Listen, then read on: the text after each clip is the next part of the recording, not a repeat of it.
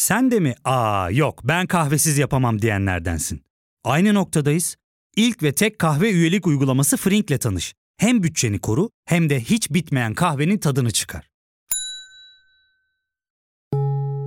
Yakınlarından terapinin onlara ne kadar iyi geldiğini dinlesen de kendin için bir şeylere başlamak zor geliyor olabilir. Ya da sevdiklerine yardım etmeye istekliyken kendi ihtiyaçlarını görebilmek. Hayvel, uzman psikologlarıyla kendi ihtiyaçlarını bulmanda sana destek olacak. Terapi yolculuğuna başlamak için detaylı bilgi bölümün açıklamalarında.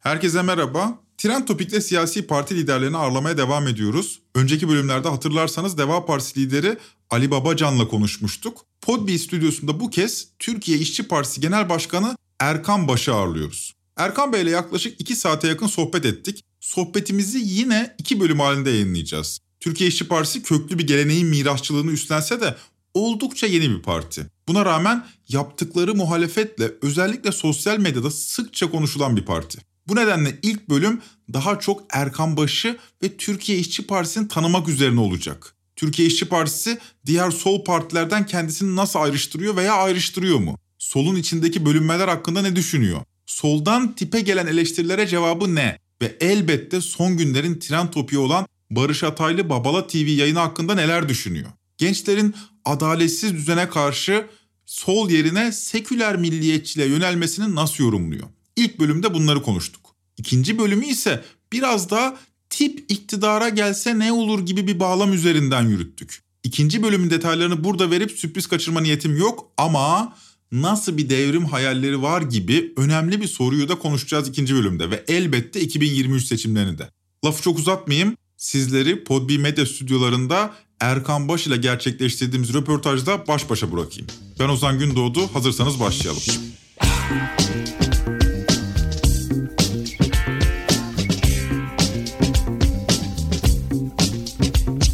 Erkan Bey merhaba. Merhaba. Şimdi dün sizle konuşurken Podbi Medya stüdyolarına nasıl geleceğimizi planlıyorduk. Siz dediniz ki Karaköy vapurunda 12.30'da binerim. Saat işte 1 gibi falan Galata'da olurum diye tahmin ettiniz. Ya şimdi popüler de bir figürsünüz. Yani böyle önünüzü kesen, sorular soran zorlamıyor mu bu toplu taşıma kullanma ya tek, arzunuz? Tek fark şu. Eskiden toplu taşımada daha çok kitap okuyordum. Hatta okuduğum kitapların büyük bölümünü toplu taşımada okumuştum. Şimdi o kısım biraz zor oluyor. Ama zaman kıymetli ya. Kadıköy'den Galata'ya arabayla gelmek bence çok akıllıca bir iş değil. Vapur gayet keyifli. Bir de İstanbul'da yaşayıp sayılı keyiflerimizden bir tanesini kullanmamak da bence çok yanlış olurdu. Dolayısıyla mümkün olduğunca vapur kullanıyorum. Bazen metrobüs de kullanıyorum ama tercih hakkım varsa zaman planlayabiliyorsam vapur daha iyi gayet keyifli oluyor. Yurttaşlarla sohbet ede de geliyoruz mutlaka. Şey duygusu oldu bende ya o aklıma geldi siz Karaköy vapuru deyince. 2010 yılında tekel direniş zamanında işçiler ilk kez Türk İş binasının önünde toplandıkları zaman işçilerle konuştuğum zaman şu duygudalardı işçiler. Biraz hayal kırıklığı yaşadılar. Ya koskoca Türk İş'in binası böyle mütevazi bir bina mıdır hmm. diye biraz böyle şey bekliyorlardı. Büyük bir plaza, büyük bir bina işte Türk İş Başkanı deyince daha böyle nasıl diyeyim korumalarıyla gelen falan bir tip. Bu durum tip başkanı için de geçerli gibi geliyor bana. Ya koskoca tip başkanı şimdi bir Audi'den inmesi beklenir, bir şoförünün olması beklenir yok falan. Yok ya hiç öyle bir beklenti olduğunu sanmıyorum. Sanmıyor musun? yok yok. Ben başka bir şey söyleyeyim. Mesela bina meselesi önemli. Biz Aha. bu arada çok sık il ve ilçe örgütleri açıyoruz Türkiye'nin dört bir yanında. Ben gittiğim aşağı yukarı her yerde aynı şeyi hissediyorum. Şöyle oluyor. İşte iktidar partilerinin binaları gerçekten bina yani kocaman evet. yerler. Bizimkilerse genelde işte bir apartman dairesi, işhanı katı falan. Başlarda böyle biraz canım sıkılıyordu doğal Gidiyorsun şimdi bir kente girmişsin koskocaman bir bina. Hani buranın hakimi biziz gibi bir görüntü veriyor. Sonra aklıma böyle çocuklukta dinlediğim bir şarkı geldi. Bu Mustafa Sandal söylüyordu hatırlar mısınız bilmiyorum. Onun arabası var ama ruhu yok diye. ben AKP MHP binaları biraz öyle geliyor. Evet kocaman binalar böyle beton olarak çok büyükler, metrekare olarak çok büyükler ama içlerinde ruh yok. Bizimkilerse bence bize yakışan gibi. Yani gerçekten arkadaşlarımızın kendi olanaklarıyla, kendi imkanlarıyla çok mütevazi şartlarda tuttukları binalar e, çok dert etmiyorum. İşin bu kısmını. Önemli olan içerik, önemli olan onun içindeki insanların sahiplenmesi, emek vermesi, katkı koyması ve onların o dayanışmasıyla ayakta kalması. Bizim gücümüz de buradan geliyor. Ya diğer kısmında ise şöyle artık yani başlarda hiç önemsemiyordum da bu ara çok sorulmaya başlandı. Hani araba kullanmıyor musunuz falan filan. Ya gerektiğinde tabii ki ben de özel aracımızı kullanıyorum ama galiba şu ayrım önemli. Yani milletle vekili arası bu kadar açık olmaması gerekiyor ya. Esas olan nedir? Esas olan millettir, halktır. E siz onu işte 4 yıllığına, 5 yıllığına vekalet etmek üzere görevlendirdiği bir insansınız. Ama Türkiye'de biraz o terse çevriliyor. Yani milletvekili olduğunuz andan itibaren çok farklı bir hayat, çok farklı bir dünyaya geçmeniz bekleniyor. Ben böyle olmaması gerektiğini düşünüyorum. Tam tersine olabildiğince siyaseti halklaştırmak, topluma ait bir şey haline getirmek. Tırnak içinde söyleyeyim. Hani o yukarıdaki siyasetçilerin sıradan insanlar diye gördükleri bizlerin de siyaset yapabileceğini göstermekti bizim iddiamız. Başarıya ulaştığımızı düşünüyorum. Sadece benle ilgili de değil bu arada yani. Dördümüz için de aynı şey geçerli. Ben biraz fazla hareket halindeyim galiba o yüzden dikkat çekiyor ya da diğer arkadaşlar daha çok şehir dışı yolculukları falan da yapıyorlar. Çünkü biz aslında hem İstanbul milletvekili olduğum için hem parti fiilen İstanbul'da bir genel merkeze sahip olduğu için mesaimin önemli bölümü de buralarda geçiyor. Tabii daha kalabalık bir kent olunca daha fazla insanla denk geliyoruz. Ben memnunum. Bir de Hiçbir gördüğüm, çekmiyorum. gördüğüm kadarıyla bir de sosyal medyada viral oluyor bu iş. Yani sizi vapurda çekiyorlar, metrobüste giderken çekiyorlar. Ya Sizin haberiniz de yok Orada muhtemelen. şöyle komik bir şey oluyor. Geçen bugün değil de geçen gün gene vapurdaydım. Ve 15. dakikaya kadar gayet sakindi. Kitap okuyordum, müzik dinliyordum falan. Sonra bir yurttaş geldi fotoğraf çekmeye. Onunla fotoğraf çektirdiğimi gördükten sonra 10, 12, 15 sayamadım artık bir yerden sonra. O ilk adım atıldıktan sonra arkası çok geliyor. Ama açıkçası hiç şikayetçi değilim. Bir de şu beni çok mutlu ediyor onu da söyleyeyim. Bugüne kadar yani dört buçuk yıldır milletvekilliği yapıyorum. Vapurda, otobüste, sokakta tek bir olumsuz tepkiyle karşılaşmadım. Mesela bu beni çok mutlu ediyor. Genelde insanlar sevgilerini ifade etmek için, soru sormak için, sorunlarını paylaşmak için geliyorlar. Bak tek bir olumsuz şey olmadı. Buradan da bütün milletvekili arkadaşlara söyleyeyim. Yani tek başınıza gezdiğinizde başınıza bir şey gelmiyor. Rahat olabilirsiniz. Paniğe gerek yok. Ben onu böyle işte konvoylar, çakarlı arabalar, kalabalıklarla gezmek falan biraz yanlış bir güç gösterisi eylemi olarak değerlendiriyorum. Yani gerçekten buna ihtiyaçları olduğu için yapmıyorlar. Kendilerini güçlü göstermek için ama gerek yok. Böylesi daha iyi. Ama şimdi biraz tipi konuşalım. Gözlediğim kadarıyla yani benim hatalı yorumlarımı lütfen düzeltin. 1960 ile 80 arası Türkiye solunun genel kabul görmüş bir şey en güçlü dönemleri. iki kuşak çıkartıyor. 68 kuşağı, 78 kuşağı. 68 kuşağına referans veren hareketler hala var. 78 kuşağına referans veren hareketler hala var. Türkiye solunun o parçalı yapısı içinde ama 1980'den sonra böyle parlamenter siyasete etki eden bir sol öznenin yükseldiğini görmedik. Bir 90'lı yıllarda ÖDP'nin kuruluşu var. Gerçekten o dönem çok ses getiriyor. Keza yine EMEP'in kuruluşu var. Şimdi de tip çıktı. Şu tedirginlik içinde solcu çevreler gördüğüm kadarıyla. Ya biz bu hikayeyi biliyoruz. Kardeşim zamanında böyle hareketler parlar sonra söner. Tipi farklı yapan nedir? Ya aslında 60'ları da çok uzun konuşmak isterim. Çünkü gittikçe daha az sayıda insanın hatırladığı, bildiği, okuduğu bir hikaye. Ama şunu vurgulayayım. Önemli. Şimdi bir kere 60'lı yıllarda dünyada genel olarak bir sola dönüş var. Aslında 45 2. Dünya Savaşı'nın Hitler'in yenilgiye uğramasıyla sonlanması, arkasından işte Çin devrimi, en sonunda nihayete Küba'ya kadar varan o sol dalga insanların dünyayı değiştirebiliriz fikrine daha yakınsamasını beraberinde getiriyor. Türkiye'de de işte 27 Mayıs sonrası 61 Anayasası'yla işte Türkiye tarihinin görece demokratik bir evresi ve burada hatırlatmak istediğim şey ne? Nispi temsil sistemi. Yani milli bakiye sisteminin uygulanması. Esas mesele bu. Milli bakiye sistemi uygulanıyor ve tip %2.9 oy almasına rağmen 15 milletvekiliyle parlamentoya giriyor. O zaman grup kurma sayısı 10 olduğu için de tipin bir grubu oluyor parlamentoda ve görece özgürlükçü bir ortamda tip fikirlerini tartıştırabiliyor. Topluma bir alternatif sunuyor. Bu son derece önemli. Biraz hani bir parantez olarak söyleyeyim. Bugünkü tipe benzer tarafını şöyle tarif ediyorum onun. Eğer dinlemediyseniz mutlaka dinleyin. Yordam Yayınları Proletaryanın Büyülü Kutusu diye 60'lı yılların tipinin radyo konuşmalarını hem kitap olarak bastı metinlerini hem de çok güzel bir şey yapmışlar. Sonuna bir kare kod koymuşlar. Konuşmaları dinleyebiliyorsunuz. Bu vesileyle herkese tavsiye edeyim. Şimdi o konuşmaların özelliği ne? Televizyon yok. Radyonun eşitlikçi yapısı var. Anadolu'nun köylerinde mesela şöyle düşünün. İşte radyoda Süleyman Demirel konuşuyor, arkasından Mehmet Ali konuşuyor. Bir eşitlikçilik var ve o eşitlikçilikte tip hemen öne çıkabiliyor. Kendisini ifade edebiliyor. Şimdi bugüne geldi geldiğimizde ise medya üzerine muazzam bir abluka kurmuşlar. Hiç kimsenin konuşma hakkı yok aslında Türkiye'de ve biz de sosyal medyaya doğru yöneldik ve sosyal medyanın eşitlikçiliğinden faydalandık aslında. Tipin sesi geniş kesimlere ulaşmış oldu. Bu parantezi kapatayım şimdi tekrar 60'lara döndüğümüzde bakın şu önemli. Tip o milli bakiye sisteminin verdiği olarak da seçimlerde bir başarı elde ediyor ve arkasından hemen seçim sistemi değişiyor.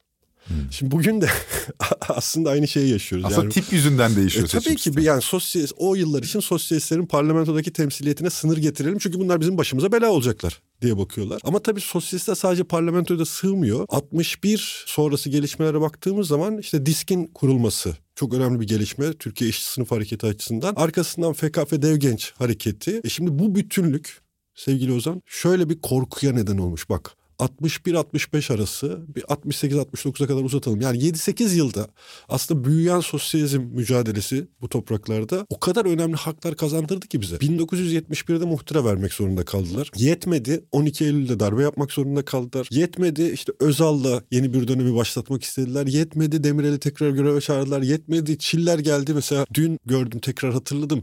Çiller'in son sosyalist devleti yıktık bu tarihe geçsin cümlesi çok önemlidir aslında. Yani o 60'lı yıllarda kazandığımız hakları bu ülkenin halkları, işçileri, emekçileri olarak geri almak için ne kadar yoğun bir çaba sarf ettiklerini görüyoruz. Nihayetinde Tayyip Erdoğan da aslında bu sürecin son halkası. Dolayısıyla bak sadece 100 yıllık Cumhuriyet tarihinde bir kez %2.9, üçü bile görmemiş sosyalist hareket ama onun toplumsal etkisiyle beraber Türkiye'de herkesin hayatını son derece olumlu etkileyen bir dönüşüme imza atmış ve bu unutturulmak istendi. Yıllarca bu yapıldı. Bizim açımızdan hani bugüne geldiğimizde biz bu karşı devrim rüzgarı diyorum. Hem Türkiye'de hem dünyada esen o dalgaya karşı önce bir direniş hattı çizdik. Yani her şey bitti, sınıflar öldü, elveda proletarya, işte ne bileyim Marksizm, Leninizm gömüldü falan tezlerinin çok hakim olduğu bir dünya konjonktüründe bir direniş hattı ördük. Hem dünya sosyalistleri açısından söyleyebilirim bunu hem Türkiye açısından. Bizim için kırılma noktası gezi direnişidir. Gezi direnişi aslında şunu gösterdi. Solun, sosyalizmin savunduğu değerlerin bu ülkede milyonlarca insanın değerleriyle çok ortak olduğunu aslında çok paralel ilerlediğini ama bir biçimde bunu politikleştirmeyi, bunu siyasal temsiliyet alanına taşımayı başaramadığımızı görmüş olduk. Ve belki bugünkü Türkiye İşçi Partisi'nin en büyük avantajı bu. Biz yani bir iddia olarak söylüyoruz. Sadece bize aittir demiyoruz ama görünür düzeyde baktığımızda Gezi direnişinin Türkiye'de yarattığı belki de tek yeni siyasi hareket Türkiye İşçi Partisi. Yani Gezi'nin ürünüdür Türkiye İşçi Partisi. Bunun altını kalınca çizeceğim. İşte bu Gezi'nin yarattığı rüzgar Türkiye Sosyalist Hareketi'nin çok uzun yıllardır biriktirdiği değerler ve bunun gençlerle buluşması böyle tarif edilebilir.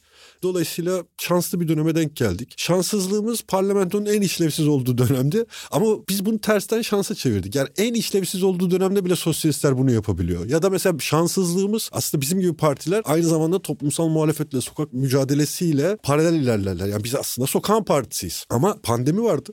Yani iki yıl boyunca 1 Mayıslar bile belki 100 yıldır Türkiye'de ilk defa 1 Mayıslar yapılamadı. Hani pandemi nedeniyle kitle eylemleri geri düştü. Orada da parlamentodaki muhalefet biraz daha özgün bir alan yaratmış oldu. Bir de galiba hani yıllardır insanların duymadığı, hiç belki de gençler açısından söyleyeyim, bilmedikleri bir takım fikirler, bir takım tezler yeniden gündeme gelmeye başladı. Bugün hani geldiğimiz yeri önemsiyorum. Yeterli değil ama bir baraj kırıldı sosyalistler açısından. Bizim tipi kurarken temel bir iddiamız vardı. Diyorduk ki Türkiye'de milyonlarca insan sosyalizmi hep antikomünistlerden dinledi. İlk defa belki de sosyalizmi sosyalistlerin anlatabileceği bir zemin kuracağız ve buradan sesleneceğiz topluma. Bunun da karşılığını görmeye başladık. Devamını getirmek hepimizin görevi. Şimdi şey de bu siyasi literatürde mahalle diye bir şey var. Şimdi son yıllarda bu mahalle ifadesini çok kullan. Şerif Mardin de mahalle baskısıyla bu literatüre katmıştı. Bu mahalle denilen şey eğer varsa solcular için gerçekten var benim gözlediğim kadarıyla. Yani üniversitede yıllarımı verdim bu işi anlamaya. Yani kardeşim o nedir, o nedir, o nereden geliyor? Gerçek çok parçalı da bir yapı var. Birbirlerine de çok acımasızca eleştiriyorlar. Fakat siz kamuoyu önünde ben en azından şahit olmadım. Herhangi bir sol hareketi eleştirmediniz. Bunun nedeni nedir? Sonuçta muhakkak eleştiriniz vardır ama dile getirmiyorsunuz. Ya bu bir tercih. Çok açık söyleyeceğim. Baştan bu yana çok iddialıyım da bu konuda. Yani dört buçuk yıldır Türkiye İşçi Partisi siyaset sahnesinde kendi mahallemizden hiç kimseyle deyim yerindeyse bir polemiğe bir tartışmaya girmedik. Açıkçası ben de kendim hep buradan korumaya çalışıyorum. Çünkü ben bunun şehvetine çok hızlı kapılıyorum. Üniversite dedin ya biz edebiyat fakültesindeydik. Yani Türkiye'de hiç olmayan sol örgütler edebiyat fakültesinde olurdu. Hepimiz birbirimizi bilirdik ve böyle günler süren tartışmalar yapabilirdik. Onun şehveti de insanı alıp başka yerlere götürüyor. Şimdi çok bir, da zevkliydi doğru. Tabii tabii yani açık söyleyeyim hani başka bir işimiz olmasa bir fikir kulübü olsak mesela buradan önemli tartışmalardan iyi sonuçlara varmak da mümkün olabilirdi. Ama biz siyasi partiyiz ve ülkenin içinde bulunduğu durum, emekçiler onlara karşı sorumluluklarımız var. Dolayısıyla bir kere esas mücadele gücümüzü yoğunlaştırdığımız yer iktidar. Dikkat edersen hani düzen muhalefeti diye tarif edebileceğimiz altılı masaya bile çok az açıktan eleştiri yapıyoruz. Ancak yani büyük yanlışlar yaptıklarını düşündüğümüz zaman. Oysa hani çetele tutmaya başlasam saatler sürer bu. Ama bir yani iktidardır Türkiye'nin içinde bulunduğu durumun temel sorumlusu. Bunu hiç unutmamamız lazım. Yani Türkiye'de bugün ne yaşıyorsak bunların sorumlusu siyasi iktidardır. O yüzden hedef tahtasına siyasi iktidarı almak gerekir. Ondan sonra bu mücadele doğrultusunda eğer gündeme geliyorsa muhalefetle ilgili bir takım tartışmalar yapabiliriz. Hele bizim mahalleye doğru çekildiğimizde bizim mahalle zaten 80'ler 90'larda aslında çok daraltılmış, sıkıştırılmış ve hareket alanı kapatılmış bir alan idi. Ve bunun bir sonucu olarak da sürekli olarak aslında bütün varlıklarını birbirleriyle mücadele ederek inşa etmeleri istendi. Deyim yerindeyse iktidara karşı bir toplumsal muhalefetin sözcüsü, öncüsü, yürütücüsü olmalarını engelleyen bir taktik vardı burada. Biz de biraz o oyuna gelmiş sayılıyoruz. Hatta bazen arkadaşlarla sohbet ederken söylerim. Yani Türkiye'de 50 tane, 60 tane, 70 tane neyse sol örgütü olduğunu düşünürseniz bunları şöyle formüle edebilirim. Yani 80'ler, 90 90'lar 2000'lere kadar belki de böyleydi. Böyle bir masa etrafında toplanıp herkes birbirine kendi yaptığının en devrimci olduğunu anlatıyor. Oysa bunun bir önemi yok. Bak şimdi bu sokakta yürümelerin mesela faydalarından bir tanesi oldu. Zaman zaman böyle bana göre diyelim ki kendince daha radikal, daha devrimci fikirleri olan genç arkadaşlar yanıma geliyor. Çeşitli eleştirilerini söylüyorlar falan. Şimdi dönüyorum mesela 20 sene önceye üniversitedeyken birisi bana gelip senin yaptığın reformistik ben devrimciyim falan dese saatlerce tartışırdım onunla. Yani benim yaptığımın niye daha devrimci olduğunu anlatmak için. Şimdi gerçekten şöyle hissediyorum. Keşke Türkiye'deki 85 milyon her birisi benden daha devrimci olsa. Türkiye için ne kadar güzel bir şey. Ya Türkiye'nin en az devrimcisi ben olsam muhteşem bir ne şey Ne diyorsunuz olur. böyle bir gençle karşılaştığınızda? Bunu söylüyorum. Tamam diyorum sen daha devrimci sen daha ol devrimci. çok güzel. Yani um- umarım sen daha devrimci olursun. Yani benim zaten en devrimci benim, en devrimci biziz falan böyle bir iddiam yok ki. Yani bu açık söyleyeyim bizim jargonla konuşmam gerekiyor burada. Küçük burjuva rekabetçilik duygusu aslında bu kapitalist toplumdan sola sızan bir şey. Bizim birbirimize rekabete ihtiyacımız yok. Biz belki bir tek şurada rekabet edebiliriz. İktidara karşı mücadeleyi kuvvetlendirmek konusunda. Onun dışında sen iktidara karşı şöyle mücadele ediyorsun. Ben böyle mücadele ediyorum. Niye birbirimize kavga edelim ki? Şimdi son zamanlarda tip çok konuşuluyor. Konuşulmasının sebebi sizin de aslında var olmak istediğiniz mecra sosyal medya. Oğuzhan Uğur yayını. Barış Atay'ın 10 milyonu aştı hocam herhalde değil mi? 10 milyon 10 kez. 10 milyonu geçmişti ben baktığımda. Gördüğüm kadarıyla da rekor yani bu 8 bölüm içerisinde bu kadar kısa zamanda bu kadar çok izlenen yok. Ben açıkçası şaşırdım yani tablo tuhaf.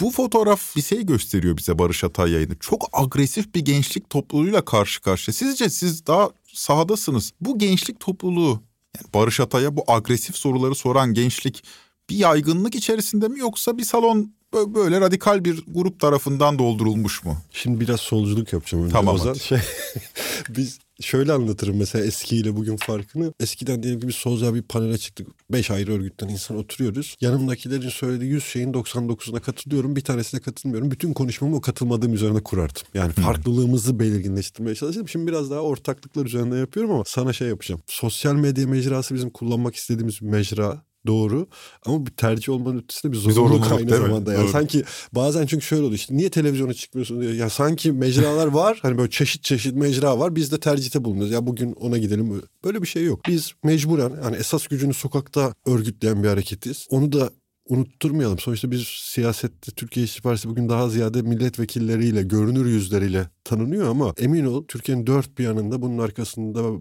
binlerce artık on binlere varan insanın emeği var, çabası var. Bunun arkasında bilim kurullarımızın, danışma kurullarımızın yoğun mesaileri, yoğun emekleri, yoğun çalışma. Biz onun sözcüsüyüz sadece. Ama tabii ki sosyal medya mecrası gerçekten o eşitlikçi yapısı. Yani yeteneğinize bağlı. Emek verirseniz, düşünürseniz, yaratıcı olursanız e, o alanda fark yaratabiliyorsunuz. Görece ekonomik olduğunu da itiraf etmem lazım. Ve genç arkadaşlarımız partimizde bu alanlarda partimizi tanıtma faaliyetlerinde sorumluluk aldılar. İyi gitti şimdiye kadar. Şimdi son örnek ise gerçekten başka bir boyut taşıyor bence. Bizim belki de bugüne kadar hiç ulaşamadığımız, hala ulaşamadığımız yani bak dört buçuk yıldır parlamentoda inanılmaz bir kürsü yakalamış durumdayız. Seslenme olanaklarımız eskiyle mukayese edilemeyecek düzeyde artmış ama hala Türkiye İşçi Partisi'ni duymayan, bilmeyen, belki merak etmeyen, belki genel olarak siyaseti merak etmeyen geniş bir toplumsal kesime bu program aracılığıyla ulaşmış olduk ve işte dünkü rakamlarla söyleyeyim 9 bini geçti partiye üye olan. Ben artık hmm. şey diye bakıyorum. İzleyen her bin kişiden birisi partimize üye oluyor. Bu da fena bir oran değil. İyi. Yani bir de şu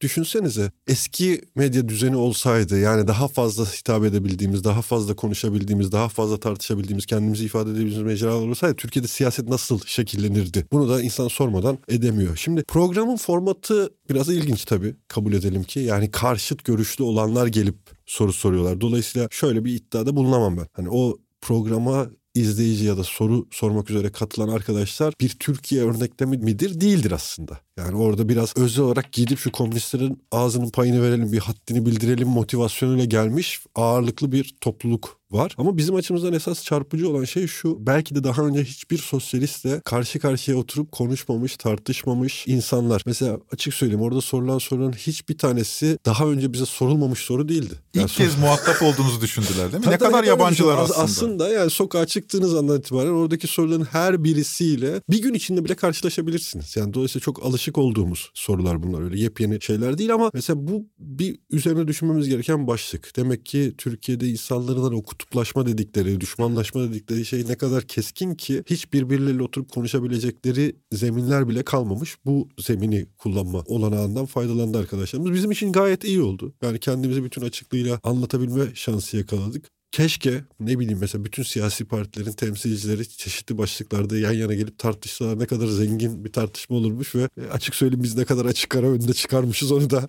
izlerken hep onu hissettim. Yani hani eskiden olurdu böyle bizim öğrencilik yıllarımızda işte siyasi partilerin gençlik kolları başkanları, ne bileyim işte ekonomi kurmayları, ne bileyim iç politika uzmanları ya da genel başkanları da yan yana gelip tartışırlarmış. Keşke öyle zeminlerimiz olsa. Umarım gelecekte olacak. Bu sosyalistlerin belirgin farklılıklarını ortaya koyacak. Çünkü bak çok hakim bir paradigma var. Yani bugün gerçekten hani kapitalizm nedir diye düşündüğümüzde ben hani en basit haliyle akıl dışı vicdansız bir sistemdir diye özetleyebiliyorum. Yani bu kadar bilim bilim deyip bilime düşman olan hani bütün bilimsel yaklaşımları reddeden varını yoğunu para kazanmaya ve bu paranın dünyada da Türkiye'de de en zengin yüzde birin elinde birikmesine odaklamış ve geniş toplumsal kesimlere de bunun dışında hiçbir şey mümkün değil.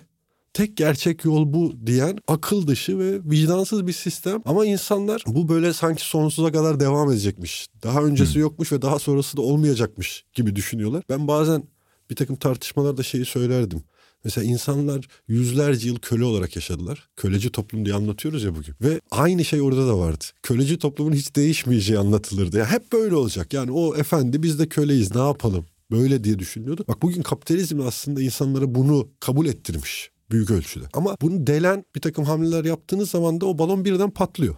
Yani o kopkoyu karanlık içerisinde bir mum yakıyorsunuz ve ortalık aydınlanmaya başlıyor. Bir dakika ya başka bir şey de varmış sorusu gündeme geliyor. Çok e, etkili oldu. Biz çok mutluyuz durumdan ama tabii bu aynı zamanda tezlerimizi nasıl daha fazla anlatmamız gerektiği konusunda da bize bir sorumluluk yüklüyor. Yani ne bileyim mesela biz bazen örnek olsun diye yaptık bunları. Mesela konut kanun teklifimiz var bir tane barınma sorunuyla ilgili. İnanılmaz bir çaba sarf ettik. Tek şey şuydu. Yani aslında istenirse çözülebilir. Ya da mesela emeklilik kanunu ile ilgili verdiğimiz teklif fatura Mesela cep dostu fatura uygulaması diye bir kanun teklif verdik ve bunu parti sistemimize koyduk. Mesela hazır böyle, böyle sosyal medyada yayılacak bir konuşma yapıyorken söyleyeyim. Ben istiyorum bütün yurttaşlar girsin tipin sitesine. Kaç metrekare ev kullanıyorlar? Ev kaç kişi? Tipin önerdiği kanun teklifi olsaydı faturası kaç para olacaktı? Şimdi kaç para? Mesela bunu ölçebilecek bir uygulama yaptı arkadaşlarımız onu da koyduk. Ama işte bunları ulaştırmak, daha fazla insanla tartışmak gerekiyor. Önümüzdeki günlerde tamamen buna odaklanacağız. Yani Türkiye'de bak şimdi seçimleri tartışıyoruz. Hı hı. Çok uzun konuşuruz. Seçim hukuku, seçim güvenliği,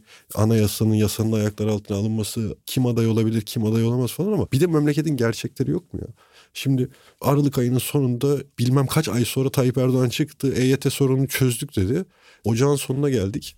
Daha kanun teklifi meclise sunulmadı. Bak daha kanun teklifi meclise sunulmadı. E, emeklilerin hali içler acısı. Asgari ücret yani rakam artıyor ama alım gücünde bir artış yaratıyor mu? Yaratmıyor. E ne bileyim Yani Türkiye'de gençlerin durumu, kadınların durumu, Türkiye'deki sendikalı işçi sayıları açıklandı. İnsan utanıyor ya sendikalı işçi sayılarına bakıyorsunuz. İnanılmaz bir şey. Ya toplu sözleşmeleri hesap ederseniz aslında çok çok çok küçük bir kesim gerçek anlamıyla sendikalı. Yani sendika üyesi olmak sadece e-devlete girip sendika üye olmaktan ibaret bir şey değil ki. Onun bir yaptırımı olması lazım değil mi? Yani grevler yasaklanıyor, sendikalaşma faaliyetleri engelleniyor. E şimdi aslında çok temel bir takım konularda sosyalistlerin sesinin çok daha güçlü çıkmasına ihtiyaç var memlekette. Başka bir dünyanın, başka bir ülkenin mümkün olduğunu gösterebilmek için. Bu konuda kısa zamanımız var. Çok iş yapmamız lazım. Bütün yoğunlaşmamız bu. İzninizle burada araya girmem lazım. Çünkü bölüme kısa bir ara vereceğiz. Döndüğümüzde kaldığımız yerden devam edeceğiz. Bir yere ayrılmayın. Ya fark ettin mi? Biz en çok kahveye para harcıyoruz. Yok abi, bundan sonra günde bir. Aa, sen Frink kullanmıyor musun? Nasıl yani? Yani kahvenden kısmına gerek yok. Frink'e üye olursan aylık sadece 1200 TL'ye istediğin çeşit kahveyi istediğin kadar içebilirsin. Günlük 40 TL'ye sınırsız kahve mi yani? Çok iyiymiş. Aynen. Hatta şu anda 200 TL'lik bir indirim kodu da var. E hadi hemen indirip üye ol da bu fırsatı kaçırma. Terapiye başlamak, içinden çıkamadığın döngüleri kırmak, bazı yanlış bulduğun kararlarını değiştirmek ve kendinle beraber daha huzurlu bir yaşam inşa etmek için atabileceğin en değerli adımlardan biri. Hayvel ile yoğun yaşam tempona uyum sağlayarak online terapi seanslarını takvimine göre ayarlayabilirsin. Bini aşkın uzmandan sana en uygun terapisti seçebilir, podb10 koduyla indirimden yararlanabilirsin. Detaylı bilgi açıklamalardaki bağlantıda. Şöyle bir şey gözlüyorum. Yani katılır mısınız bilmiyorum. Şimdi bir sosyoloji sorusu sorsak yüksek lisans öğrencilerine desek ki ya kardeşim bir memlekette son 7-8 yıldır çok ağır bir baskı ortamı var. Buna beraber eşlik eden bir ekonomik kriz ve işte geniş ücretli kesimlerin yoksullaştığı bir tablo var.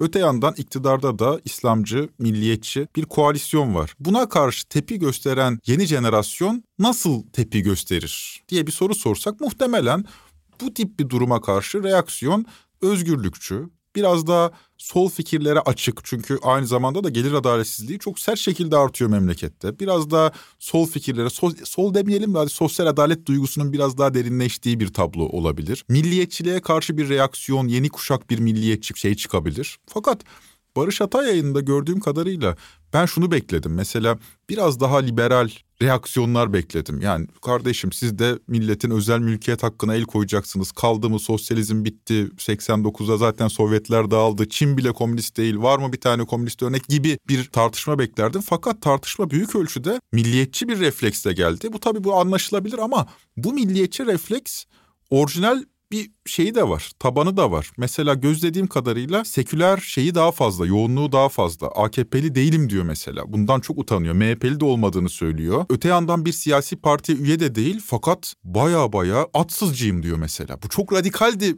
ben üniversitede yaşarken. Yani çok nadiren başımıza gelecek bir şeydi. Atsızcıyım diyor, Türküz, Türkçüyüz diyor. Orta Asya referansı çok daha yüksek. E, ve bunun Atatürkçülük olduğunu iddia ediyor bir yandan da. Yani oradan doğru bir referansı da var. Bunu nasıl değerlendiriyorsunuz? Nereden çıktı yani bu iş? Ya şimdi bir 60'larla başlamıştık ya oraya bir atıfta bulunalım. Şimdi o yükselen sol sosyalist değerler, işçi sınıfının örgütlenmesi, 60'lı 70'li yıllardaki o ne diyelim büyük aydınlanma süreci ile beraber geçmişte de kuşkusuz örneklerini buluruz ama 60'lardan sonra çok belirgindir bu. Türkiye'de bir antikomünist damar bizzat devlet tarafından planlanarak örgütlenmiştir. Yani o komünizm karşıtlığı kılıfı altında aslında buradaki espri şu bu bizim açımızdan önemli kılan taraf orası. Halkın siyasete doğrudan katılımını, emekçinin, yoksulluğun, işte elin asırlının o günkü deyimlerle söyleyelim, temsilcisi olan tipin ve sosyalist düşüncenin önünün kesilmesi için bir taraftan yasal düzenlemeler yapılıyor. İşte seçim sistemi düzenleniyor. İşte diskin örgütlenmesinin önüne engeller çıkartılmaya çalışıyor. Ama bir taraftan da devlet fiili bir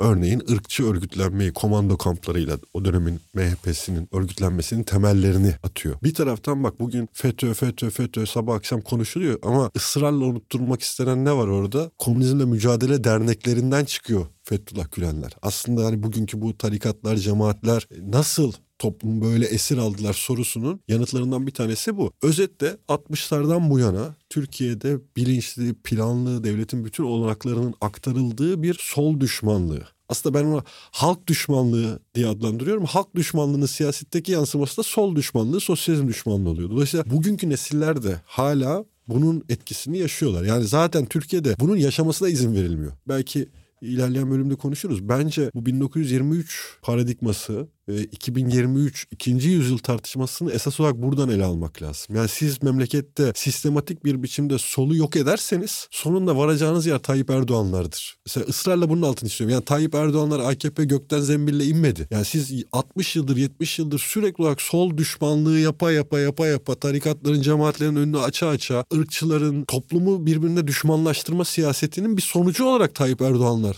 doğdu. Ve bunun bir yansıması da özellikle genç kuşaklarda sol fikri hiç yok. Sol, sosyalizm, başka bir dünya yok. Her şey bu mevcut paradigmanın içerisinde tartışılıyor. Tabii bir taraftan da şu gerçekle karşı karşıyayız. 20 yıllık bir iktidar. Şimdi ben hep aynı örnekleri veriyorum ama çok çarpıcı bence. Hani mahalleler dedik ya. Şimdi muhafazakar mahalle diyelim, işte milliyetçi mahalle diyelim, sağ mahalle diyelim. Hani sol olmayanlar. Şimdi o mahalleye şöyle 20 yıllık sürecek kuş bakışı baksana. Aynı mahallede doğmuş iki tane çocuk. Bir tanesinin babası AKP'li, diyelim ki ve gittikçe zenginleşiyor.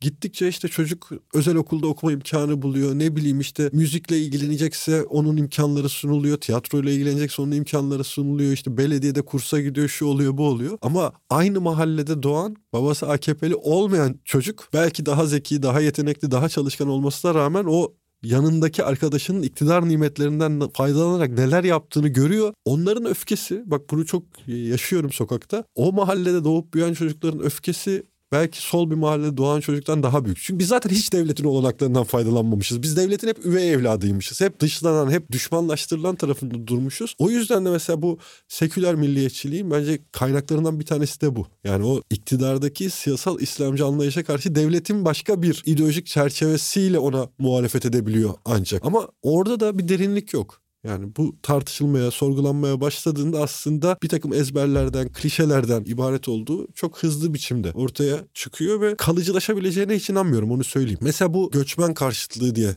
tarif edilen boyutu. E şimdi düşünsene bir ülke işte 80 milyon diyelim yuvarlak konuşalım 80 milyon 8 milyon kişi son 10 yılda bu ülkeye dışarıdan gelmiş. Afganistan'dan gelmiş, Suriye'den gelmiş, Afrika ülkelerinden gelmiş fark etmez. Bir anda ülkenin sosyolojisi değişiyor. Emek piyasası bambaşka bir hale alıyor. Özellikle toplumun en yoksul kesimleri asgari ücret bir açlık sınırı ama bunun yarısına çalışacak yeni bir nüfus var Türkiye'de. E, asgari ücretle çalışan işçi o yanındakine düşmanlık geliştirmekte çok hızlı davranabiliyor. Çok kolay olarak o tepkisi, o öfkesi oraya doğru yönelebiliyor. İşte bunlar da mesela ırkçılığın, milliyetçiliğin belki de memlekette güçlenmesine neden olur ama bu atmosferi topyekün değiştirebilmek mümkün bence. Şuna benzetiyorum bak açık söyleyeyim 60'lı yıllarda da aslında emperyalizme karşı mücadele temellidir. Sol sosyalist hareketin yükselişi, ABD emperyalizmi özelinde. Mesela orada da bakarsan böyle milliyetçi bir takım nüveler varmış gibi gösterilir ama sol onu alır ve sağlıklı bir temele oturtur yani o yabancı düşmanlığı değil emperyalizm karşıtlığı haline getirebilir onu. Biraz ben bizim yapacaklarımıza bağlıyorum önümüzdeki dönemde. Bir de emeğin birleştirici gücü çok önemli.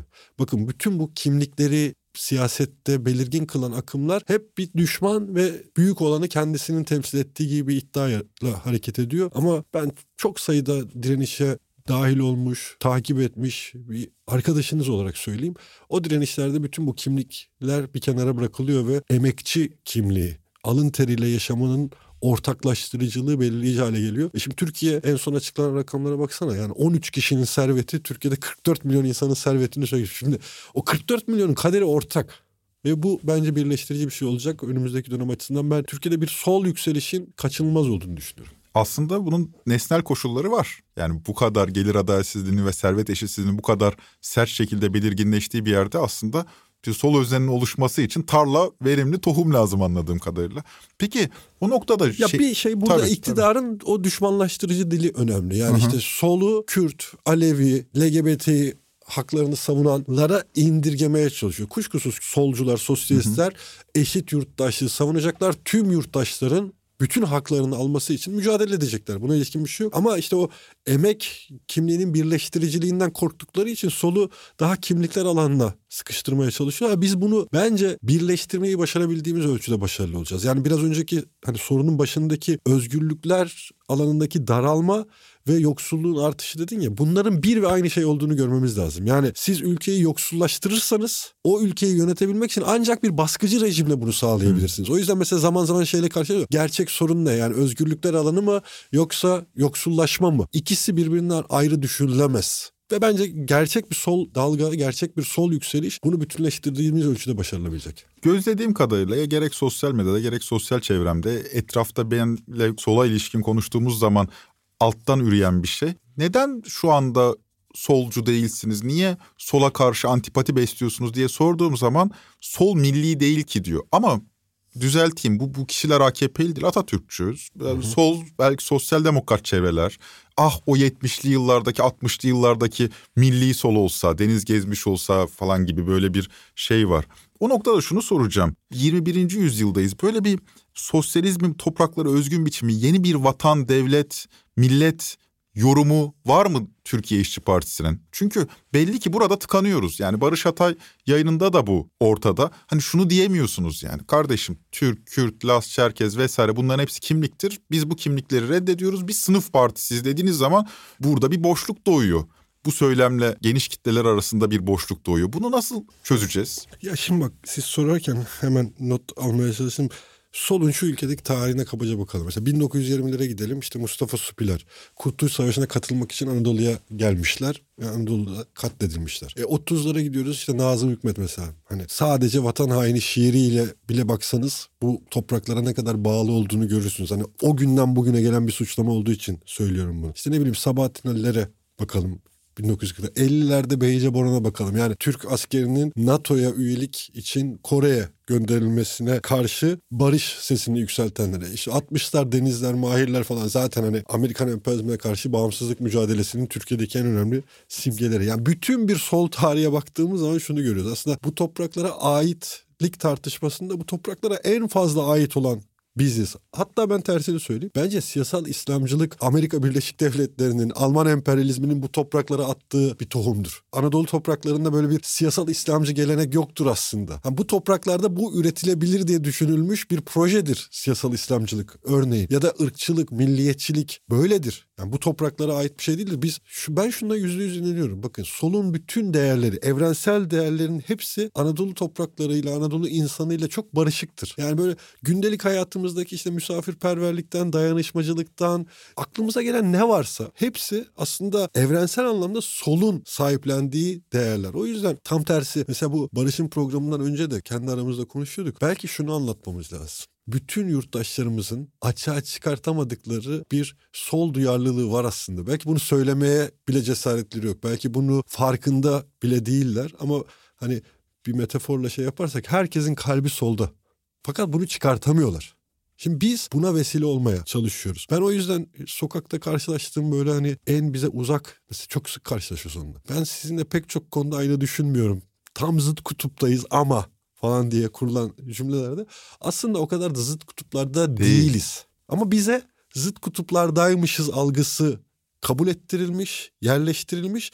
Şimdi onu kırmaya çalışıyoruz. O yüzden ben Türkiye'de solun yerlilik konusunda hiçbir problem olduğunu düşünmüyorum. Bunca yıl bizi bu topraklardan kopartmak için uğraştılar. Bakın çok altını çizerek söylüyorum. Yani 1920'den bu yana hele 12 Eylül darbecilerinin falan temel motivasyonu şuydu. Solun kökünü kopartalım bu topraklardan. Köksüzleştirelim solu. Bak 12 Eylül sonra yurt dışına sürgüne gitmek zorunda kalan, kaçmak zorunda kalan yurttaşlarımızla yaratılmak istenen duygu buydu. Ama net bir şey var ya. Gezi'de şunu gördük biz. Bu topraklar bizim. Bütün değerlerimiz bu topraklara ait. Bunu yerleştireceğiz. Ama tabii bu şu değil. Orada da çok kalın bir kırmızı çizgi çizmemiz lazım. Ya Tayyip Erdoğan'ların yerlilik ve millilik dediği şeyle solun hiçbir ilgisi yok. Onlarınki büyük bir demagojiden ibaret. Yani esas yerli ve milli olmayanlar onlar ama Klasik yani dünyanın her yerinde sağcılar aynı şeyi yapıyorlar. Bakın şimdi mesele tartıştı. İsveç'te Kur'an-ı Kerim'i yakan nasıl tanımlanacağını bile söyleyemeyeceği bir şahıs. Sağcı mı solcu mu? Belli değil. Sağcı, aşırı sağcı Aşırı diyorlar da sağcı, yani. Adam aşırı Yani- sağcı bence yani. tabii Şöyle- öyle- Şimdi öyle bak, tanımlıyor Dünyanın her yerinde değil mi bak? Dünyanın her yerinde sağcılar aynı akıl dışı eylemlere imza atıyorlar. Kendilerini mükemmel, kendileri dışında herkesi sorumlu olarak tarif ediyorlar. Sol ise dünyanın her yerinde aynı değerleri savunuyor. Aynı değerlere sahip çıkıyor. Evet daha tutarlı. Ee, yani kesinlikle öyle. Yani şimdi bir Alman sağcısıyla diyelim ki hep konuşulur ya Almanya'daki Türk işler niye sola oy veriyor? E ne yapsın kendini yakmak isteyene mi oy versin? Hocam ama şöyle bir şey var yani sağcılar kendilerine biz sağcı demiyorlar da solcular E, kendilerine ay- biz ayıp solcu. bir şey çünkü insan kendine sağcı der. Bence de demesinler yani. Mesela bir solcunun ben solcu değilim dediğini duydum mu hiç? Yok. Bak çok basit bir şey söyleyeceğim. Mesela ben en çok şeyle karşılaştım bütün siyasi hayatım boyunca. Sol dediğin şöyle olmalı. Sen solcu musun? Değilim ama sol şöyle olmalı. Ya sana ne solun nasıl olacağından sen sağcılığın nasıl olduğunu tabii. Hiçbir solcu mesela şöyle bir şey söylememiştir. Bence sağ şöyle olmalı. Değil mi? Hiç böyle bir şey yoktur. ya da mesela sağ sol bitti diyenlere bak hepsi sağcıdır. Sol bitti demek istiyor aslında, aslında onu söyleyecek ama ona da işte ayıp olur söyleyemem inandırıcılığım kaybolur diye her şeyi silmeye çalışıyor. Oysa bugün dünyanın herhangi bir yerinde eşitlikten, adaletten, özgürlükten bahsediyorsak sol vardır. Dünyanın herhangi bir yerinde bu sömürü ilişkileri devam ediyorsa, bu sosyal adaletsizlik varsa orada sola ihtiyaç vardır. Bak Türkiye'de çok açık söylüyorum. En temel eksik 100 yılı da tartışırım ama son 20 yıldır biz AKP'yi niye yenemedik? Gerçek bir sol yoktu çünkü. Gerçek bir sol olmayınca ne oluyor? Herkes sağa doğru kayıyor. Bir adım daha, bir adım daha, bir adım daha. Tahterevalli gibi düşün. Sağ tarafa doğru herkes kayınca sağ baskın ve kalıcı hale geliyor. Oysa yapılması gereken şey solu güçlendirmek. Benim mesela en sevmediğim övgü cümlesi diyeyim. Ya çok iyisiniz, çok güzelsiniz ama aşırı solcusunuz. Ya solcu olduğumuz için bunları yapabiliyoruz. Solcu olmasaydık bunları yapamazdık ki. Ya solcu olduğumuz için hiç kimseye bir göbek bağımız yok. Özgürce düşüncelerimizi ifade edebiliyoruz. İşte solcu olduğumuz için tarikatlardan, cemaatlerden, sermaye gruplarından, uluslararası güçlerden beklentimiz yok. Sadece halka yaslanıyoruz. Yani bu bütün bu söylemlerimizin ve eylemlerimizin temel nedeni solcu olmamız. Ve ben bunun yavaş yavaş karşılık bulmaya başladığını görüyorum. Yani ilk defa böyle bir şey yapılıyor. Bak dikkat et. Hadi bir espri şey yapayım. Biraz muhalefete de muhalefet edeyim. Ama tatlı olsun. Şöyle Sera Kadigil, sevgili Sera bize katıldıktan sonra şimdi mecliste bir çay kahve içtiğimiz kulislerde yerler var. E doğal olarak muhalefet tarafında oturuyoruz ya. İşte Cumhuriyet Halk Partili arkadaşlarla da milletvekilleri oturuyoruz. Böyle biraz da orası şeydir böyle meclisin gergin atmosferinden kaçış yeridir. Dolayısıyla çok siyaset konuşulmaz işte. Siyaset dışı sohbetler yapılır. Daha insani sohbetler falan. Sera bize katıldıktan sonra bir grup CHP'li arkadaş böyle biraz ekşili bakıyorlardı bana. Hissettim onu. Dedim ki arkadaşlar hayırdır ne oldu bir şey mi oldu kızdınız mı falan filan.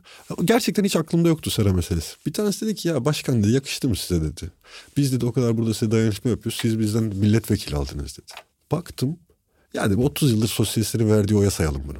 Aa güzel. Öyle değil mi ama? Doğru. Yani 30 yıldır belki de bu baraj sistemi nedeniyle solcu, sosyalist, komünist diye kendisini tarif eden pek çok insan gidip Cumhuriyet Halk Partisi'ne oy verdi bu memlekette. E Şimdi ilk defa sosyalistlerin kendi seslerini kendi partileri aracılığıyla duyurma olanakları ortaya çıkmış. Biz şunu şey yapmıyoruz ki yani diyelim ki başka partilerin fikirlerini bütünüyle benimseyen yurttaşlarımız bırakın partilerinizi gelin bize oy verin falan böyle bir şey değil. Biz bir sosyalistlerin memlekette bir güç olduğunu biliyoruz. Bir burada bir toparlanmaya ihtiyaç var. Yani memlekette her tür siyasi akım varken sosyalistlerin bu kadar görünmez, bu kadar duyulmaz, bu kadar yok sayılabilir olması kabul edilebilir bir şey değil. Bir sosyalistlerin toparlanması lazım. İki, Türkiye siyasetinde herhalde en az bir yüzde on beş, yirmilik ya bu siyasi partiler beni temsil etmiyor diyen bir nüfus var.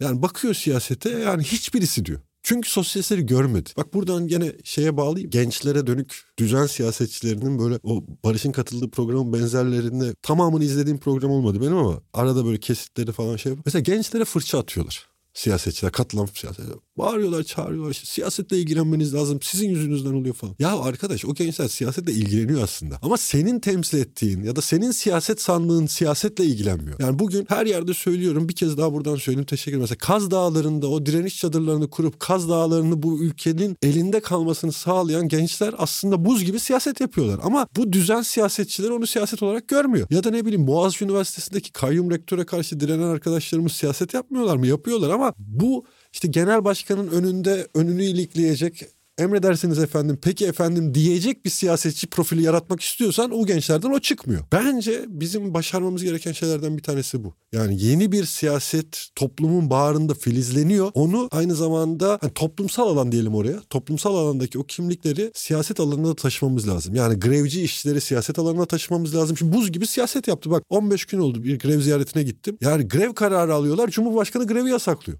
Şimdi Cumhurbaşkanının yasakladığı grevi yapan işçi siyaset yapmıyor mu? Cumhurbaşkanına karşı geliyor ya. Yani bugün pek çok siyasetçi Cumhurbaşkanı'nın ağzından çıkan bir söze karşı söz üretmekten korkarken Cumhurbaşkanı imza atıyor. Ben bu grevi erteledim diyor. İşçi diyor ki ben bu grevi yapıyorum ve sonunda kazanıyor. Mesela bu çok önemli. Ya da bak Türkiye'de 20 yıldır ana muhalefet kimdir diye sorulsa kadın hareketidir dememiz lazım. Ama kadınların siyaset alanında temsiliyeti yok. Dolayısıyla bu yeni tarzı siyaset alanına taşımak gibi bir sorumluluğumuz olduğu kanaatindeyim. Şimdi şeyden sağdan tipe dönük eleştirileri çok gözlüyoruz da soldan tipe dönük eleştiriler hiç duyulmuyor. Yani aslında yani sol mahalle açısından sol mahallenin en çok imkan bulan özneleri de tipte yine. Yani Geri kalanlar hiç adından sanından bahsedilemiyor. Ben o yüzden bu anlamda eşitlikçi bir bakış açısıyla bu eleştirileri biraz size yönelteceğim. Gözlediğim kadarıyla yani bu yayına hazırlanırken tipin dışındaki sol hareketlerin içinde olan arkadaşlarla konuştum. Genel olarak şu eleştiri var. Ya kardeşim tip denilen hadise bir parlamenter faaliyettir. Bu parlamenter faaliyet olmasaydı eğer ortada bir hareket hareket zaten olmazdı. Biraz da devrimciliğinizi küçümsüyorlar. Buradan meseleyi biraz daha geliştirerek diyorlar ki devrim denilen şeyi halk yapar. Böyle mecliste, parlamentoda 3-4 tane milletvekiliyle popüler olursunuz da devrimci olmazsınız. Böyle bir temel eleştiri var. Bu eleştiriyi biraz daha uzattığımız zaman gerçekten de ne yapacaksınız? Yüzde elli, yüzde elli beş oy alıp anayasayı mı değiştireceksiniz? Yani bunun varacağı yer neresi olacak beni, yani? Beni illa son mahalledeki tartışmaya çekeceksin de E, şaka, o... şaka bir yana yok. bir de benim eleştirilerim tamam, var tamam, sol mahalle tamam. dışında bir de ona Tamam. aktaracağım. Ya şimdi şunu açık söyleyeyim bak. Türkiye İşçi Partisi'ni bütün sol mahalleden diyelim ki ayıran belki de iki şey söyleyebilirim. Bir dedim ki gezi direniş. Ya biz geziye başka türlü baktık. Ya geziden sonra Türkiye Sosyalist Hareketi'nin bir yeniden kuruluşa ihtiyacı var. Bugün tipe gelen sürecin ilk cümlesi budur. Gezi direnişi itibariyle Türkiye'de sosyalist hareketin bir yeniden kuruluşa ihtiyacı var. Hani madem bizim mahalleye konuşuyoruz onlar bilir. Hani bizim o dönem TKP'de yaptığımız tartışmalar sonra Birleşik Haziran Hareketi denemesi o süreç hep aslında bu gezi sonrası sosyalist hareketi yeniden kurmaya dair bir iddiaydı. Çok sevdiğim şimdi kendisine izin almadığım için ismi söyleyeyim ama sol mahallenin abilerinden birisine bir gün şu lafı ettim. Geldi yanıma ya tip çok iyi gidiyor falan dedi. Abi dedim kötü komşu insana ev sahibi yapıyor sana teşekkür ediyorum.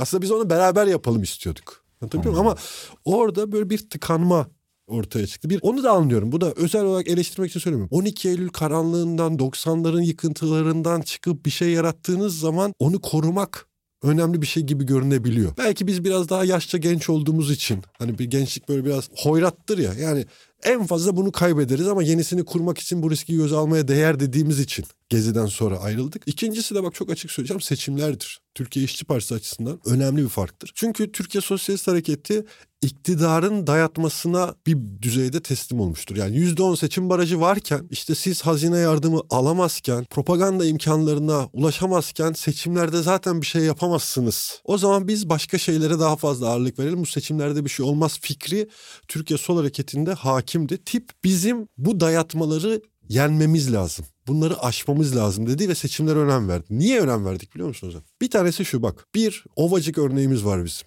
Fatih Mehmet Maçoğlu. 650 küsür oy aldı. Fatih Mehmet Maçoğlu. İstanbul'da muhtar olamazsınız 650 oy. 650 tane insanın oyuyla seçimleri kazandı ve komünist başkan bir belediye deneyimiyle Türkiye'ye komünistlerin yönettiği bir belediyede neler yapılabileceğini anlattı ve sanıyorum hani herkesin sola sosyalizme dönük ilk ciddi sempatisi yani tipte bugün gördüğümüz şeyi bir örneğini biz orada gördük. Bak tekrar ediyorum 600 küsür oy. Komünist başkanlar çoğu kişi seviyor. Şimdi bak 600 küsur oy.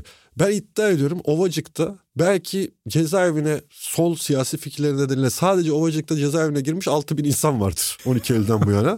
Ovacık'tan yurt dışına sürgüne gitmesi gereken belki birkaç bin insan vardır. Ama biz sadece 600 oyla neler yapılabileceğine ilişkin başka bir kapı açtık. Bunu gösterdik. Şimdi bu mesela seçimlerin niye önemli olduğuna ilişkin bir işaret. İkincisi bak sol ve halk ayrılmaz ama bir soyutlama düzeyinde ayıralım. Şimdi sol şöyle bakıyor. Seçimlerle bir şey olmaz. Halk da şöyle bakıyor. Ben eyleme gidemiyorum.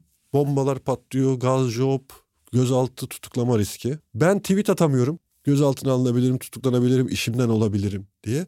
Elimde siyaseten fikrimi söyleyebileceğim bir tek şey var seçim. Oy. Şimdi bu bir çelişki. Bizim bunu çözmemiz lazım. Ben her yerde şunu söylüyorum. Tip için söylemiyorum. Bütün yurttaşlar şunu bilsinler. Başınıza bir şey geldiğinde, bir hak mücadelesine girdiğinizde, günün 24 saati, yılın 365 günü hangi solcuya sosyaliste bak bana en uzak olan solcuya sosyaliste bile ulaşsan koşar senin yanına gelir. Direnişinde, uğradığın haksızlığa karşı mücadelende elinden ne geliyorsa yapar. Yılın 365 günü, günün 24 saati her solcu bunu yapar. Ama yılın 365 günü, günün 24 saati bunu yapan solcu sosyalist seçim günü geldiğinde halka o en kıymet verdiği siyasete katılım biçimine ilişkin somut bir seçenek sunamıyor.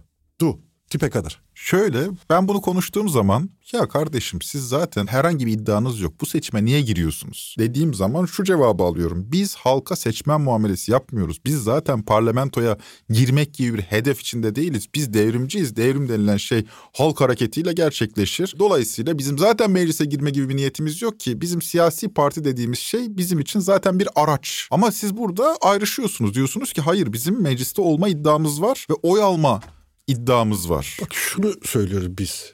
Bizim Türkiye İşçi Partisi'nin mecliste olması değil mesele. Bu sokakta mücadele eden, direnen, biraz önce saydığım örnekleri düşünelim mesela. Kaz Dağları direnişçileri, Boğaziçi Üniversitesi öğrencileri, ne bileyim işte kadın mücadelesinin temsilcileri. Bunların parlamentoda olması önemli. Ya sokaktaki mücadelenin aynı zamanda parlamentoda da karşılığını bulması önemli. Onun parlamentodan da ifade ediliyor olması sokaktaki mücadeleyi büyütecek bir şey olarak önemli. Yani siz Bu burada kritik şey şu. Halkın örgütlenmesini hani değişimler, devrimler halkın eseridir. Yüzde yüz böyle. Bütün büyük değişimler, dünyadaki bütün örnekler halkın eseridir. Ama hangi halkın eseridir? Örgütlü halkın eseridir. Türkiye'deki halkın problemi ne? İktidar halkın örgütlenmesinin önündeki engelleri her geçen gün arttırıyor. Yani insanları yalnız ve çaresiz bırakıyor. Şimdi bunların örgütlenip örneğin parlamento düzleminde ifadesi yalnız ve çaresiz olmadıklarını görmelerinin bir yolu. Bir değişimin tamamı değil bu bir değişimin başlangıcı için kıymetli. Bir de şu çok kritik bakın yani sonuçta siyasi mücadele sadece iktidar anına kitlenecek bir şey değildir. Siyasi mücadele bir süreçtir ve siz bu süreçte bir takım fikirlerinizle, bir takım eylemlerinizle, yarattığınız toplumsal örgütlenmelerle o süreci örgütlersiniz aynı anda. E şimdi bu açıdan baktığımızda Türkiye'de halkın dünyada en fazla seçimlere önem verdiği bir coğrafyadan söz ediyoruz. E ve burada yılın 365 günü ona bir şeyler söyleyen sosyalistlerin seçim günü geldiğinde e bildiğini yap ya da ben yokum bu oyunda demesi bana hiç mantıklı gelmiyor. Tam tersini söylüyorum bak. Bunlar bizi engellemek için barajlar koymuşlar mı? Bizi engellemek için diğer partilere para yardımları veriyorlar, bize vermiyorlar mı? Bunlar bizi engellemek için propaganda imkanlarımızı mı kısıtlıyor? Biz bütün bunlara rağmen bütün bunlara rağmen halk içerisinde yarattığımız örgütlülük ile halkın bugün için en kıymet verdiği şey olan oyunu doğru biçimde, etkili biçimde kullanmasına da bir zemin sunmalıyız. Ya ne diyeceğiz biz seçimde yurttaşa? Ben şunu söylüyorum. Eğer AKP'den nefret ediyorsan, AKP'den kurtulmak istiyorsan, hani seçimde kullandığın oyu AKP'ye atılmış bir tokat olarak değerlendiriyorsan, o tokatın bir Osmanlı tokatına dönmesini sağlamanın yolu tipe oy vermektir. Yani en etkili biçimde kullanmasını sağlamamız lazım onu. O yüzden ben kesinlikle seçimlerin sandığa, siyasetin parlamentoya indirgenmesi doğru değildir. Yüzde yüz katılıyorum buna. Biz halkın günün 24 saati siyasete katılım mekanizmalarını sağlamalıyız, güçlendirmeliyiz. Buna ilişkin tartışmalar yapmalıyız. Ama bu seçimin önemsiz olduğu anlamına gelmez. Yurttaşın kıymet verdiği bir şeye ben de kıymet vermek zorundayım bir siyasetçi olarak. Yurttaş oyuna kıymet veriyor. Diyor ki ben bu attığım oyla bir mesaj vermek istiyorum. Onu en etkili kullanması için de bizim ona bir seçenek sunmamız lazım. Şimdi burada söyleşiyi durduruyorum. Girişte söylemiştim. Erkan Bey ile bir bu kadar daha konuştuk. O kısımlar ikinci bölümün konusu olacak. Şimdiye dek konuştuğumuz konular tipin kendisini sol siyaset içerisinde nereye konumlandırdığı hakkındaydı. Bunun yanında tipe olan bakışı da masaya yatırdık. Böylelikle ilk bölümün de sonuna geldik. İkinci bölümde tipin Türkiye vizyonunu, sosyalist devrim anlayışını ve toplumsal meselelere bakışını konuşacağız. Tren Topi'yi Podbi Medya ile beraber hazırlıyoruz. Bir sonraki bölüme kadar kalbinizin eşitlik ve özgürlük için atmasını dilerim. Hoşça kalın, takipte kalın.